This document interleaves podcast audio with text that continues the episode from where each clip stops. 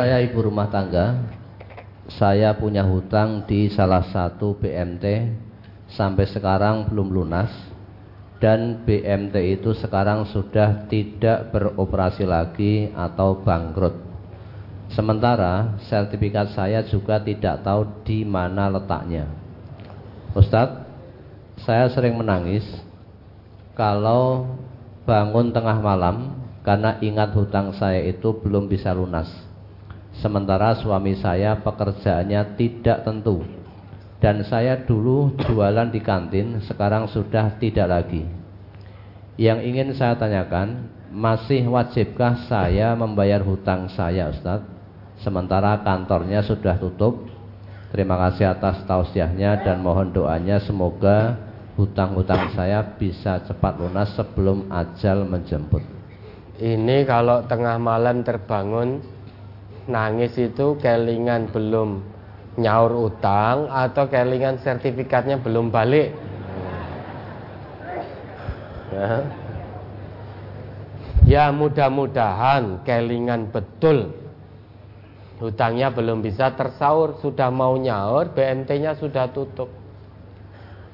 Kalau BMT-nya sudah tutup, berarti itu BMT sudah ikhlas kalau hutangnya tidak dilunasi, berarti sudah dianggap lunas. Yang menjadi pertanyaan, sertifikatnya jenengan diurus. Cari tahu, cari informasi.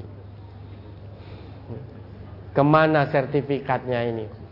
Bisa jadi ya juga sudah tidak ada. Karena BMT-nya juga sudah tidak ada. Lah ke mana panjenengan harus mencari? Ya, tentu panjenengan yang tahu.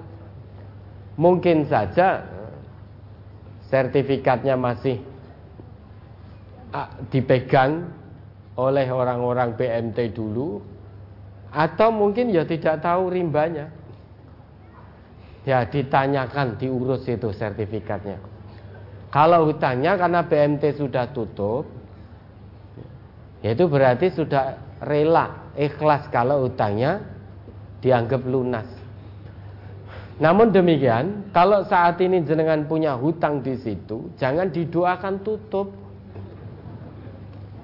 Ya. Kalau memang punya untuk nyaur, segera disaur, jangan ditunggu, tutup dulu. Jadi kalau tutup jadi repot, sertifikatnya ke mana kita tidak tahu.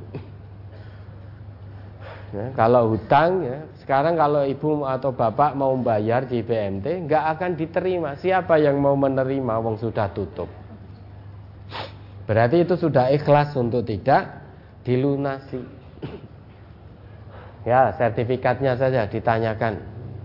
Oke, ada lagi?